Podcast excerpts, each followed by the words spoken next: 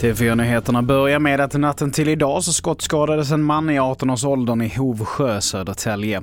Skadeläget är just nu oklart och mannen har förts till sjukhus med ambulans där han nu vårdas.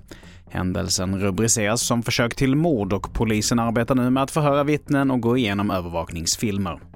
Och vi fortsätter med att runt om i Europa så fortsätter skogsbränderna rasa till följd av den extrema hettan. På flera håll har räddningspersonalen svårt att hinna med alla de insatser som krävs. Och enligt meteorologer kommer värmen hålla i sig långt in på nästa vecka. 47 grader varmt i Portugal igår och över 40 grader även i Frankrike och Spanien. I Grekland omkom två personer när en släckningshelikopter kraschade i havet och i Portugal fick ytterligare en pilot sätta livet till då hans plan av okänd anledning drabbades av motorhaveri. Och i inslaget här så hörde vi TV4s Jon Thunqvist.